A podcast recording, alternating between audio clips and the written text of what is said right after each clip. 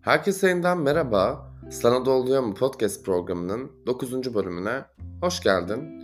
Umarım iyisindir, keyfin yerindedir. Mevsim geçişleriyle beraber hepimizin üzerinde böyle o kışın ağır yükünü atacakmış gibi bir hal var ve her mevsim geçişinde tıpkı bence bizde kediler gibi tüy dökmeye başlıyoruz. Tabii ki bunlar fiziksel olarak tüylerimiz değil belki ama kırgınlıklarımız, yorgunluklarımız, belki bizi dibe çeken olaylardan artık kurtulmamız gerektiğini hatırlatan anılarımız. Biz de yavaş yavaş döküyoruz ve bu dökülmeler öyle dökülmeler ki cildinde pul pul olsa belki bir nemlendiriciyle geçe, geçebilirsin ya da geçirebilirsin bu durumu. Tabii iş duygulara geldiğinde bir de üstüne mevsim geçişi eklendiğinde insan gerçekten sarsılabiliyor ve böyle kendini bir türbülansta hissedebiliyor. Bu iki haftadır biraz türbülans halindeyim ve hatta türbülansa alışkın bir insan olduğum için, türbülansı yaşamış bir insan olduğum da için aynı zamanda o hissi çok iyi biliyorum ve tıpkı o hisse benzetiyorum. Belki sen de bir gün türbülansa girmişsindir ya da giren bir arkadaşından duymuşsundur. Benim şöyle bir hikayem var türbülansla alakalı ve bence çok komik. Yani tabii ki o zaman eğlenememiştim, çok korkmuştum ama şu an düşünce çok komik geliyor bana. Ve tıpkı böyle duygularımızın sallandığı yeri beni çok yakın hissettiriyor. Bir gün Antalya'dan öğrenciyken İstanbul'a geliyorum ailemin yanına tekrardan. Tabii hava şartları çok korkunç ama uçağın kalkışı için herhangi bir olumsuz uyarıda bulunulmamış. Neyse bindik falan. Böyle yemeklerin geldiği bir esnada artık toparlanmaya başladığı yerde hatta bir türbülansa girdik yani bir bulut kütlesinin içine girdik ki benim elimdeki kahve havalandı, ben havalandım, kahve yanımdaki adam üzerine döküldü, arkadaki kadına gitti, herkes bir çığlık kıyamet, bir tane kadın orada inmek istiyor, beni indirin diyor. İnanılmaz bir şey aslında. Ve denizin üstündeyiz, uçak asla inmiyor. Bu bir buçuk saat böyle havada geçen bir yolculuk oldu. Ve tabii ki orada böyle sürekli havada hissettiğin, yer çekimine meydan okuduğun, okuyabileceğin bir halde duygular da o türbülans gibi mevsim geçişlerinde bizi sarsıyor ve benim kahvem gibi bazen kimisinin üstüne dökülüyor bazen de biz kendi üstümüze bilerek dökmüş oluyoruz bu duygularla yüzleşmediğimizde. Çünkü her duygunun kendini göstermeyi sevdiği bir hali var. O yüzden ne kadar kaçarsak kaçalım mevsim geçişinden de doğanın kendi gücünden de kaçamıyoruz. Hayat bu. Nasıl ki dediğim gibi kedim tüyünü döküyorsa şu an ben de kırgınlıklarımı, yorgunluklarımı, belki bölümün başlığından da anlayacağın üzere vedaları üzerinden atmak istiyorum. Yüklerimden kurtulmak istiyorum. Ve bugün bu sebepten biraz da türbülansa benzettiğim o duygularımızın bizi getirdiği yere vedalara gelmek istiyorum.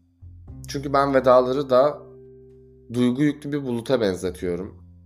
Veda etmeyi bildiğinde akabiliyorsun, rahatlıyorsun belki. Bir bulut kütlesi gibi bazen yağmur oluyorsun, bazen kar oluyorsun, bazen dolu oluyorsun ama bir noktada akıyorsun, rahatlıyorsun ve doğan gereği bu sana iyi geliyor. Ama veda etmeyi bilmediğin her halinde sıkışmış, kalmış, o türbülans gibi itici, havada, titreyen, net olmayan bir yere geliyorsun ve tabii ki bu da seni hiç iyi hissettirmediği için bununla yüzleşmek de bir o kadar zorluyor seni. O yüzden bugün bu zorluğun altında yatan duyguyu konuşmak istiyorum ben. Neden veda etmeyi bilmediğimizi konuşmak istiyorum.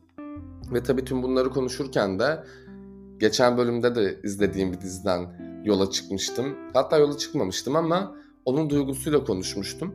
Bugün de Afterlife'ın duygusuyla konuşmak istiyorum. Çünkü Afterlife kayıplara rağmen hayatta kalabilmeyi bize en naif yerden, en gerçek yerden, diyaloglarıyla bizi hissettirdiği bir yerden verdiği için ben değeri çok ayrı. Henüz izlemediysen Netflix'e gidip çok şanslı olduğunu hissediyorum. 3 sezonunu izliyorsun. 24 dakikadan oluşuyor. Aşırı çerez gibi görünse de diyalogları çok gerçek olduğu için zaman zaman seni çok vuruyor. Ben final sahnesinde hiç ağlamam demiştim. Ama hüngür şakır ağladım ve çıktı o içimden. Tıpkı bir veda gibi, tıpkı bir bulutun kendini dökmesi gibi ben de o gün kendimi döktüm.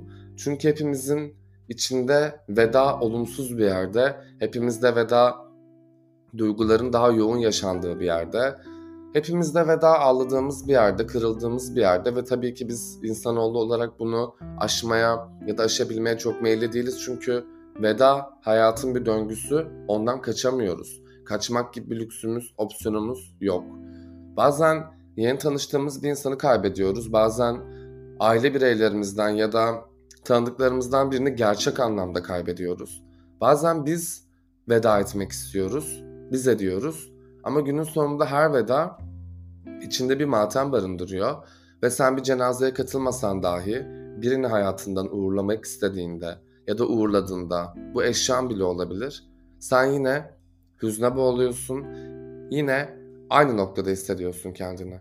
Ve bazen şöyle olur ya ben bunu öğrenmiştim. Aslında artık ağlamamam gerekiyor dediğimiz birçok şey vardır. Kimi zaman bu ayrılıklarda, ikili ilişkilerde çok yaşanır. Neden bu kadar darmadağın oldum şu an? Halbuki ben bunu biliyorum, ben bunu öğrenmiştim. Ve sen her ne kadar öğrendiğini düşünsen de hayat yine öğrettiği yerden vurmaya tercih ediyor. Ben de sana sormak istiyorum. Hiç böyle boğazında bir yumru oluştu mu bir veda ederken? ya da veda etmeye çalışırken. Sırf o boğazındaki yumruyu dışarı çıkarmamak için sustuğun oldu mu peki? Birine karşı böyle etmen gereken, gitmen gereken, bırakman gereken, artık olduğun yerde saymaman gereken dediğin bir yerde o yumruyla baş edemediğin için, o yumruğunun çıktığında artık o insanın da senden gideceğini bildiğin için ve belki bunu cesaret edemediğin için ayaklarının geri geri gittiği senin de geri geri gittiğin ve o son yutkunmayla beraber bir veda yuttuğun oldu mu hiç? Benim oldu galiba. Ve sanırım bu sebepten vedalarla aram her zaman kötü oldu. Çünkü ben etmeye bilen tarafta değildim. Edene saygı gösteren taraftaydım genel olarak. Ama sonra fark ettim ki hayat tam olarak o boğazımızda hissettiğimiz yumruğun dışa vurumuydu aslında. Ben her yuttuğumda her vedayı içimde kitlemiş oldum ve onun çıkmasına izin vermedim. Her anıyı zihnimde bir arşiv dosyası gibi anılarıyla beraber kilitledim ve onlara kilit vurdum. Ve hepsiyle birlikte yaşamaya çalıştım bir süre. Kimseye veda etmeden, hiçbir anıyla yüzleşmeden, onu göndermeden, evden çıkarmadan, artık burada olmaman gerekiyor demeden bir yerde hep yutkundum. Ve baktım ki bu şekilde yaşanmıyor aslında. Omuzlarındaki yükle yaşayamıyorsun. Zaten yaşayabilseydik bulut da bir yükünü yağmurla, karla, doluyla atıyor olmazdı. Biz yüklerimizle yaşıyor olabilseydik zaten şu an hayatımızda veda ettiğimiz ya da şu an bir yerlerde veda konuşması yaptığımız kişiler olmazdı. Ya da biz bunun için zorlanmazdık. Ama tabii ki korktuk. Veda edersem hiçbir şey eskisi gibi olmaz. Veda edersem konfor alanından çıkmış olurum. Yalnız kalırım. Ne yaparım? Nasıl ederim? Bilmediğimiz için ve korkularımızla yüzleşmek bize okullarda ders olarak verilmediği için hayat bilgisi derslerinde hayat kurtaran bilgiler almadığımız için biz bunu öğrenemedik. Ve her öğrene, öğrenemeyişimizde hayat bize bunu öğretmek için daha farklı sınavlar getirdi. Çünkü şunu unuttuk galiba bir yerde. Halbuki çok da söyleniyordu. Ben çok da duydum bunu çocukken. Korktuğum şey başıma geldi. Evet, düşününce korktuklarımız genelde başımıza gelen gerçeklikler oluyor. Ya da biz neyden korkuyorsak ondan kaçmış oluyoruz. Onunla alakalı bir sorun geliştirmiş oluyoruz. Çünkü onu görmezden geliyoruz. Görmek istemiyoruz. Ama diyorum ya, duyguların öyle yoğunluğu var ki hayatımızda ve o kadar yönetebiliyorlar ki bizi. Biz duygularımıza söz hakkı tanımadığımızda hepsi birden bizi ele geçirmeye çalışıyorlar hangi duygudan kaçıyorsak o duygu hayatımızda bizi şekillendiren, belki bizi büyüten ve hep deriz ya neden bunlar beni buluyor sürekli? Atlatamadığın, aşamadığın, ve gerçekleştiremediğin için buluyor belki de. En azından ben artık böyle düşünüyorum. Başka bir sebep gelmiyor aklıma çünkü vedalarla alakalı. Hayatın bu kadar gerçek bir yerinde olan ama bizim ısrarla hayır ben vedaları sevmiyorum dediğimiz her yerde veda bizim karşımıza belki bazen bir insanla, bir eşyayla, bir hayvanla kurduğumuz duygu bağlarıyla karşımıza çıkıyor. Her edemeyişimiz boğazımızda bir yumru oluyor. Her edemeyişimiz bir ağlama oluyor. Her edemeyişimiz bir kırgınlık oluyor ve bunu aşamıyoruz. Ama şunu unutuyoruz galiba. Hep böyle iyi duygularımızdan bahsedip, iyileri anlatıp, kötülere söz hakkı vermediğimizde belki onlar da diyordur ki neden benim bu sahnede rolüm yok? Sen bir tiyatro sahnesi canlandırıyorsun, hayatını yaşıyorsun. Tüm duygularına bir söz hakkı bir replik veriyorsun. Benim neden repliğim yok diyor. Ve Veda sana o replikleri kimi zaman insanlar üzerinden, kimi zaman bırakamadığın eşyaların üzerinden, kimi zaman vedalaşamadığın hayvanların üzerinden bir sınav olarak veriyor ve seni buna zorluyor. Belki o sahneye, vedaya, mutsuzluğa, hüzne ve diğer tüm olumsuz duygulara karşı replikler de geliştirsek ve onların da söz hakkı olduğunu bilsek acaba bizi bu kadar zorlarlar mıydı? Belki konuşsalar, belki çıksaydı, onlar da kendilerini söz hakkı bulsalardı orada, bizi bu kadar çaresiz hissettirirler miydi? İnan bilmiyorum. Ama artık şunu biliyorum, kaçmıyorum. Kovalamıyorum da. Hangi duygumdan kaçarsam çünkü onun esiri olduğumu biliyorum. Özellikle ben bu konularda, veda konusunda, başarısız biriyim ve bunu kabullendiğim bir süreç olmuştu. Hala da böyle hissediyorum bazı yerlerde. Çünkü hala boğazımdaki yumruyu yutmaya devam ettiğim birçok yer oluyor. Neden yaptığımı bilmiyorum. Bu öğrenilmiş bir çaresizlik mi onu da bilmiyorum. Ama sadece artık her duygumun benimle yaşaması gerektiğini, benimle yaşamaya hakkı olduğunu görüyorum ve ona da söz hakkı tanıyorum. Bugün bir veda gördüğümde ağlıyorsam, bugün bir havaalanına gittiğimde sarılan bir çifti gördüğümde orada bir geride bırakma, orada bir hüzün görüyorsam ve ben duygulanıyorsam bundan artık kaçmıyorum. Çünkü belki de benim hayatta kendimi ifade ettiğim yer tam olarak buradadır. Duygularını yaşamak, duygularına müsaade etmek. Ben sanılanın aksine duygusuz olmaya tercih etmiyorum galiba artık. Bu çok trendi bir şey ya. Biz duygularımızı nedense böyle bir öcüleştirdik. Hayır. Kötü düşünmüyoruz. Biz her zaman çok iyi oynuyoruz. Full pozitif basıyoruz dediğimiz noktada diğerlerini görmezden geldik ya. Ya da kimimiz çok duygusalız diye ya da çok hassas olduğumuz için bizi bırakıp gitti ya günün sonunda. Ya da bizim duygularımızı net olarak ifade etmemiz kimi insanları rahatsız etti ya. Biz orada duygularımızı yaşamaktan artık çekinir bir hale geldik çünkü. O yüzden veda etmeyi artık eskisi gibi kolay bir yerden yapamadık. Eskisi gibi diyorum çünkü biz vedayı 18'imizden sonra keşfetmedik ki. Biz anne karnına da veda ettik. Biz ilkokuldaki sıra arkadaşımıza da veda ettik. Biz liseden üniversiteye geçerken o liseye de veda ettik. Çalıştığımız bir şirketten başka bir şirkete geçerken oradaki yöneticimize de veda ettik. Biz aslında hep veda ettik. Veda ede ede yenilikleri hayatımıza almaya başladık. Bunun bir döngü olduğunu görüp bu döngünün içerisinden çıkamamayı da bir biz başaramadık galiba. Çünkü çok gerçek. Bu kadar veda varken hayatın içinde bunu görmezden gelmek ve sırf insanlar kendi duygularını yaşıyor olabilecekken bunları hayır duygusuz olmak daha güzel denen bir yerden hissettirildiği için kimi zaman bunu aşamadık. Aşmaya çalıştığımızda da boğazımızda bir yumru olarak bırakmaya tercih ettiler kimi zaman. Ama şunu da öğrettiler. Veda'nın hayatı başlattığını öğrettiler. Veda'nın güçlü bir duygu olduğunu öğrettiler. Her ne kadar sarsılsan da her duygun gibi, mutluluk gibi kalıcı olmadığını fark ettirdiler. Zamanla bırakma sözünün vedalardan geçtiğini de fark ettirdiler. Ve alışmayı fark ettirdiler aslında. Hayat bir farkındalık sanatı, veda hayatta kalabilme sanatı olarak karşımıza çıkıyor ve bizi darmaduman edebiliyor.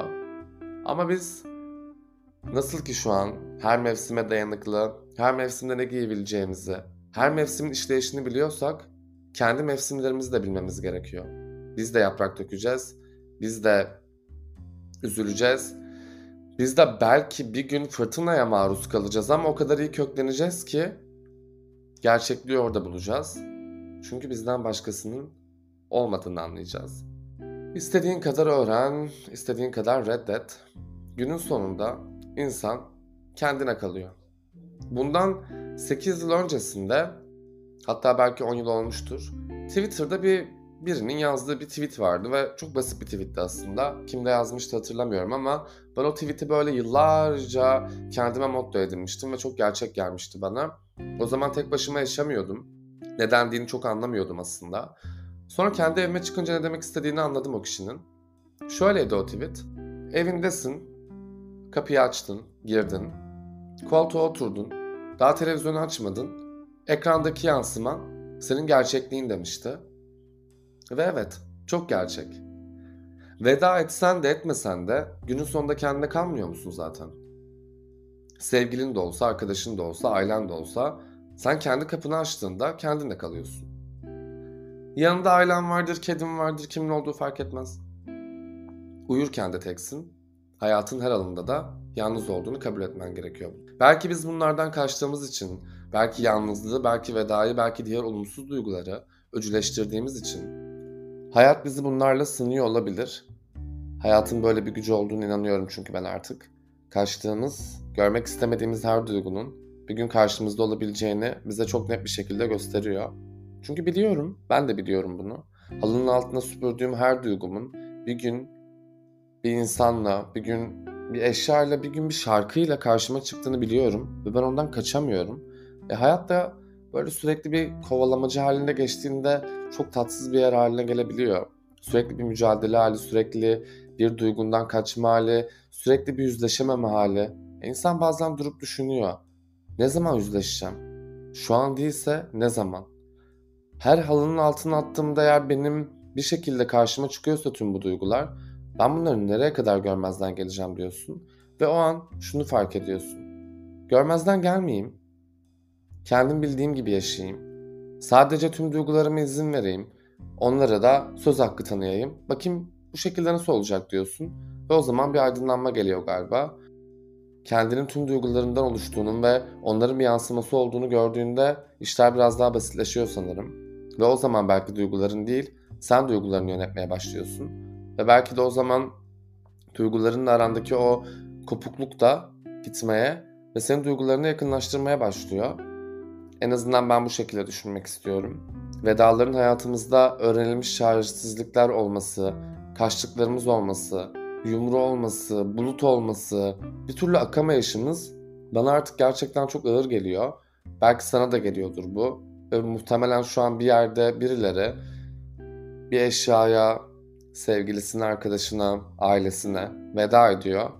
Hayatın tam olarak gerçeği bundan ibaret olduğu için de biz hep cenazelerde bu vedaları anlıyoruz. Çünkü orada mecburi vedalar oluyor, mecburi yaslar oluyor ve sen uğurlamak zorunda kalıyorsun.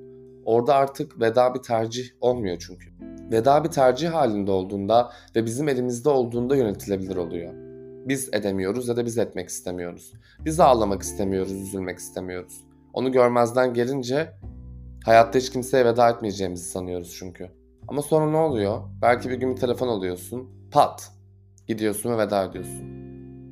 Tüm bunlar olurken de orada hayatın gerçekliğini anlaman hiç tesadüf olmuyor. Çünkü veda sana ne kadar gerçek olduğunu, hayat kadar gerçek olduğunu, başladığı kadar bitirebilecek bir güce sahip olduğunu gösteriyor ve sen o zaman durup bir düşünüyorsun. Gökyüzü gibi olduğunu, bir gün kapalı, bir gün açık, bir gün bulutlu, bir gün sağanak. Her ne olursa olsun bir gökyüzü kadar aydınlık da olabileceğini görüyorsun. O yüzden karanlık tarafımız da var, aydınlık tarafımız da var. Hangisine odaklanırsak oradan görmek istediğimiz bir hayatımız da var. Ben bugün bu bölümü alırken Melike Şahin'den Pusulan Rüzgarı açmıştım beni motive etsin diye. Çünkü o şarkı da tam olarak üzüntülü, hüzünlü bir şarkı olsa da içinde seni sana yakınlaştıran bir duygusu olduğunu düşünüyorum. Çünkü ben hayatımda pusulamı kendi rüzgarıma döndürmeyi tercih ediyorum. Ve bu şarkıyla da hep bunu kendime hatırlatıyorum. Ve bunu hatırlattıkça da güçlendiğimi fark ediyorum.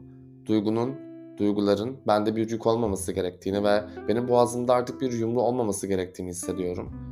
Ve aynaya karşı geçtiğimde kendime baktığımda, deneyimlerime baktığımda, geçmişime baktığımda, geçmişimde yaşamadığımı, şu anın beni şekillendirdiğini hissetmek istiyorum. Ve yine Melike Şahin'den bir sözle bitirmek istiyorum bunu. Hak ediyorum her milimini bu dik gülüşün. Sen de hak ediyorsun. Hepimiz hak ediyoruz. Tüm duygularımız da hak ediyor. Çünkü biz tüm duygularımızla, kendi varlığımızla, belki edemediğimiz her vedayla ama edeceğimiz her vedayla bunu kendimize kanıtlıyoruz. Bir gün olacak diyoruz. O gün umarım bugündür. Umarım bugün o boğazımızdaki yumruyu kelimelere döküp onlara izin verebileceğimiz, onların da görünür olmasını sağlayabileceğimiz bir gündür. Hazır 21 Mart'ken, hazır bahar gelmişken, hazır eteğimizdeki taşları döküyorken vedaları da birer birer dökmeye başlayalım isterim. Beni dinlediğin için çok teşekkür ederim. Diğer bölümde görüşmek üzere. Kendine çok iyi bak.